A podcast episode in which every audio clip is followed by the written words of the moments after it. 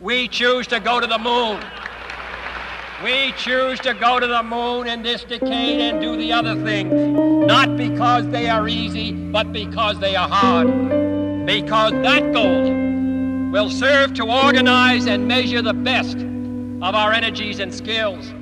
Because that challenge is one that we're willing to accept, one we are unwilling to postpone, and one we intend to win, وبعد كلمة الرئيس الأمريكي السابق جون أف كينيدي اللي سمعتوها بالستينات بلش سباق الفضاء اللي كان بين أمريكا وروسيا واللي نتج عنه تطور كبير بمجال الفضاء وعن طريقه قدرنا نخلي إنسان يمشي على القمر. فهذا كان سباق الفضاء الأول ولكن الحين في سباق فضاء ثاني بين ثلاثة من أغنى رجال العالم. واللي هم جيف بيزوس صاحب أمازون إيلون ماسك صاحب شركة تسلا وريتشارد برانسون صاحب شركة فيرجن فبحلقتنا اليوم راح نتكلم عن الثلاث أشخاص هذول ونظرتهم المختلفة حق المستقبل ودور شركتهم بهذا المستقبل.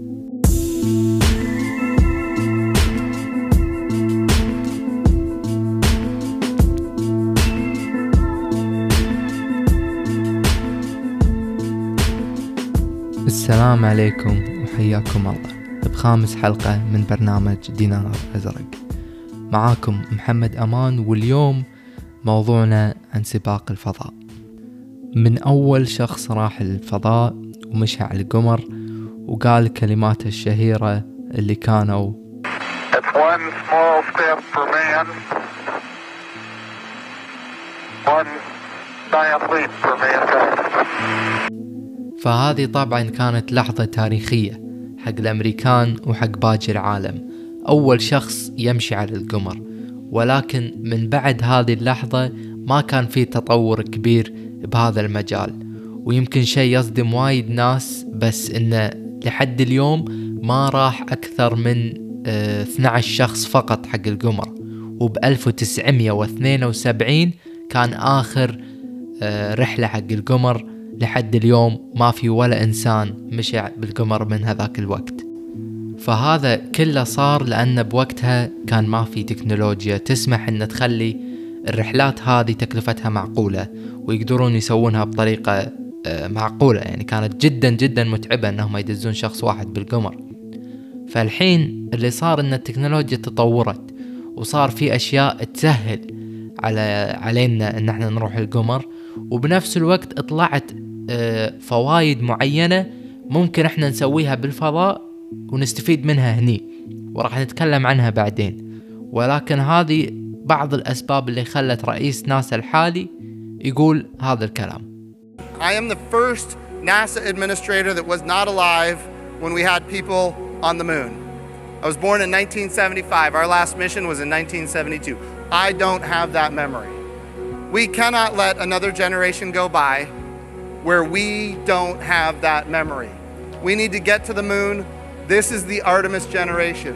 We need to own it. We need to take control of it and we need to make it happen. فهني بلشت المرحلة الثانية وهذه المرة ناسا ما راح تسوي الشيء هذا بروحها الشركات كهذه كلها اللي طلعت راح تساند ناسا عن طريق ان هي ممكن مثلا شركة تصنع الصواريخ شركة تسوي شيء وشركة تسوي شيء. وبنفس الوقت هم الشركات هذه قاعد يتنافسون على منو راح يكون الأقوى. لما ناسا خلاص تبدي إنها تبلش هذه الرحلات مرة ثانية من يكون موجود وياخذ العقد هذا مع ناسا الحصري. هذا في ملايين يعني فهم كلهم قاعد يتجهزون يتنافسون عشان يكونون هم رقم واحد. لما يبلشون الرحلات وتبلش ناسا إن هي تسوي عقد مع واحدة من الشركات هذه.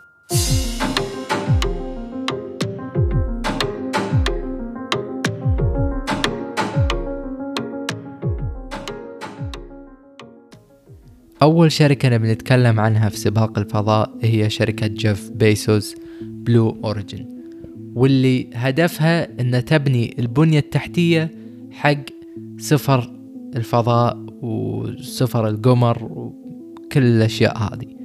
يعني مثلا اللي يقوله جيف بيزوس هو أنه يبي يبني الشارع. يعني أنت الحين بصحراء إحنا الحين بصحراء ما في شارع. فلأنه ما في شارع ما حد يقدر يروح ويرد. والشركات الصغيرة اللي تبي تدش بالمجال هذا التكلفة عليها جدا عالية. لازم كل واحد يبني شارع حق نفسه ويروح ورد فجيف بيسوس يبي يحل هذه المشكلة إنه شركته تبني البنية التحتية وبلشوا إنهم يسوون صواريخ ممكن إعادة استعمالها. يعني هذه أكبر تكلفة بسفر الفضاء هو الصاروخ يكلف الملايين وبالنهاية ينقط بعد رحلة واحدة. فهو قدر يسوي صاروخ يروح ويرد يهبط بالمكان اللي هو يبيه فجيف بيسوس صاحب شركة بلو أوريجين هدفه واضح. يبي يبني الطريق اللي يوصل الناس حق الفضاء. يبي التكلفة تنزل عشان الشركات الصغيرة الشركات المتوسطة تقدر ان هي تروح اذا عندها مشروع عندها فكرة تقدر تروح ويكون الطريق موجود And it's this generation's job to build that road to space so that the future generations can unleash their creativity. When that is possible, when the infrastructure is in place, just as it was for me in 1994 to start Amazon, when we have that infrastructure in place for the future space entrepreneurs, you will see amazing things happen.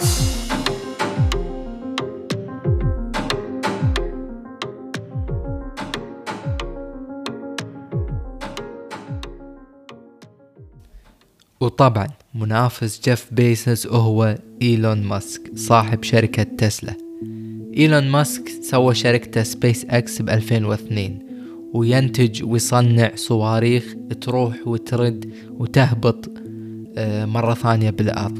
نفس اللي يسويه جيف بيزوس بس إيلون ماسك وشركته سبيس إكس عندها أهداف أكبر. إيلون ماسك هو اللي يبي يوصل حق المريخ يبي يدز أول شخص حق المريخ يبي يسوي وايد أشياء آه، بشركته هذه. وبعض من الأشياء اللي هو الحين قاعد يسويها إنه قاعد يسوي satellite launching إنه يدز ساتلايتات حق أي أحد يبي يدز ساتلايت الفضاء يدزه إنه عشان يطلع فلوس على ما يطورون باقي المشاريع اللي هي من بعضها هم يسوي آه، سياحة الفضاء يدز ناس تبي تروح الفضاء تروح وترد. فيعني في أكثر من مجال داخل الشركة هذه وأكثر من هدف وأكثر من شيء قاعد يشتغلون عليه بنفس الوقت. ولكن الهدف الأكبر أنهم يكونون ال- الراعي الرسمي يعني حق ناسا. لما ناسا تبدي مشاريعها وتبدي رحلاتها حق الفضاء مرة ثانية ب آم، 2024 يكونون هم اللي ياخذون العقد مع ناسا. إنه يوفرون لهم كل الصواريخ وكل ال- الأشياء اللي يحتاجونها عشان يدزون ال- الناس حق الفضاء وحق القمر. فطبعا هذه مو كل مشاريع إيلون ماسك مع سبيس إكس اللي حاليا قاعد يشتغلون على مشروع يسمونه ستار لينك ستار لينك هذا راح يكون عبارة عن ساتلايتات صغار وايد يندزون حق الفضاء ويشبكون مع بعض ب network. ويسوون انترنت جديد. انترنت غير اللي إحنا متعودين عليه وغير اللي إحنا نستعمله. الانترنت هذا راح يغطي العالم كله وراح يكون سريع وموثوق و reliable يعني مضمون. وراح. راح يوفر انترنت حق أم... ناس بأماكن يمكن ما عندهم انترنت الحين. وراح يكون حل أو بديل حق الانترنت أو الطريقة اللي إحنا نستخدم فيها الانترنت الحين عن طريق شركات الاتصال. فإيلون ماسك من الناس اللي يفكرون برا الصندوق نفس ما يقولون وعندهم أهداف كبيرة.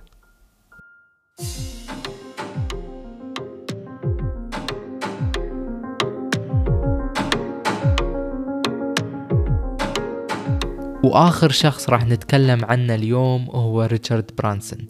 صاحب مو شركة واحدة بس شركتين. فيرجن جالاكتيك وفيرجن أوربت. هذيل الشركتين واحدة منهم متخصصة انها هي تدز ساتلايتات حق الفضاء والثانية حق سياحة الفضاء. وهذا اللي هو يشوفه راح يكون المستقبل. يبي يوفر هذا الشيء حق عدد كبير من الناس ويخلي اللي يبي يروح الفضاء ويبي يروح يقعد هناك ويعيش التجربة هذه يكون عنده القدرة. ولكن ريتشارد عنده نظرة مختلفة انه شلون يطبقون هذا الشيء. وهو يشوف إن الطريقة الأفضل وشركته تشوفها من هذا الشيء إن ما يطيرون الصاروخ من الأرض على طول. يستخدمون طياراتهم فيرجن شركة طيارات إنهم يطيرون آه، الطيارة مع الصاروخ تحتها يعني حاطينهم مع بعض ولما الطيارة تكون بارتفاع عالي الصاروخ يطلع من هناك ويطير. لأنه أصعب شيء أو أعلى تكلفة تكون أن الصاروخ يطير ويطلع من الغلاف الجوي. هذه أصعب مرحلة حق الصاروخ. بعدها الجاذبية تقل فيكون الموضوع أسهل. فريتشارد برانسون يشوف أن طريقته هذه المختلفة أفضل وتسهل الرحلة. وحاليا هم بلشوا بعض الرحلات والاختبارات إنهم يجربون رحلات الفضاء. وفي أكثر من 600 شخص دفعوا يعني مبلغ حيل حيل غالي إن أنت تروح الفضاء تروح الرحلة هذه القصيره اللي هو سواها. ولكن وايد ناس متحمسين ووايد ناس اغنياء سجلوا حق الرحلة هذه اللي راح يوفر لهم إياها قريب. فرحلة فيرجن جالاكتيك راح تكلف 250 ألف دولار حق 90 دقيقة بالفضاء. يودونك بطيارة ويردونك. ومو بس فيرجن هم من الشركات اللي تكلمنا عنهم مثل آه، شركة جيف بيزوس بلو اوريجن هم كلهم قاعد يفكرون بسياحة الفضاء لأنها طريقة إنه يطلعون فلوس آه، وايد بطريقة سريعة عشان آه، يستخدمون الفلوس هذه حق مشاريعهم الثانية. فكلهم داخل هذا المجال ولكن فيرجن مركزة عليه بزيادة.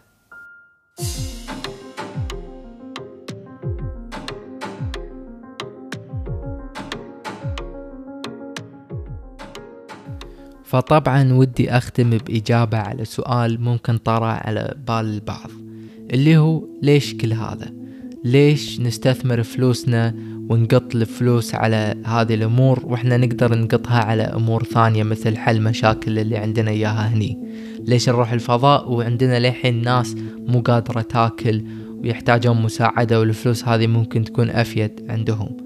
والإجابة بسيطة لأن اكتشاف الفضاء ولما تخلي العلماء يشتغلون على هذه الأمور هذا الشيء يؤدي إنهم يكتشفون وايد أشياء ثانية تفيدنا إحنا بحياتنا اليومية. فيعني بعض الأمثلة حق هذه الاكتشافات هي مثلا آه، الفورمولا اللي هو الحليب اللي يشربونه البيبيات بدال حليب الأم. آه، السنسرات اللي داخل كل تليفونات الحين حق الكاميرا اكتشفوا عن طريق إن علماء يشتغلون على رحلة فضاء. وهما التكنولوجيا اللي تستعمل بعملية الليزك مالت العين اكتشفت بهذه الطريقة. فواضح إن في وايد فوايد من هذا الشيء وحتى لو إن بعض الناس تحس إنه مضيعة حق حق الفلوس ولا شيء كذي ولكن آه، بالصورة الكبيرة إحنا قاعد نستفيد على المدى البعيد وقاعد تغير حياتنا عن طريق هذا الشيء إذا كان بطريقة مباشرة أو غير مباشرة. فطبعا إحنا الحين قاعد نمر بمرحلة جديدة وسباق حق الفضاء من أول جديد ويمكن بعد عشر سنين أو خمسة عشر سنة راح يكون إن إحنا نروح الفضاء رحلة ونرد شيء وايد طبيعي.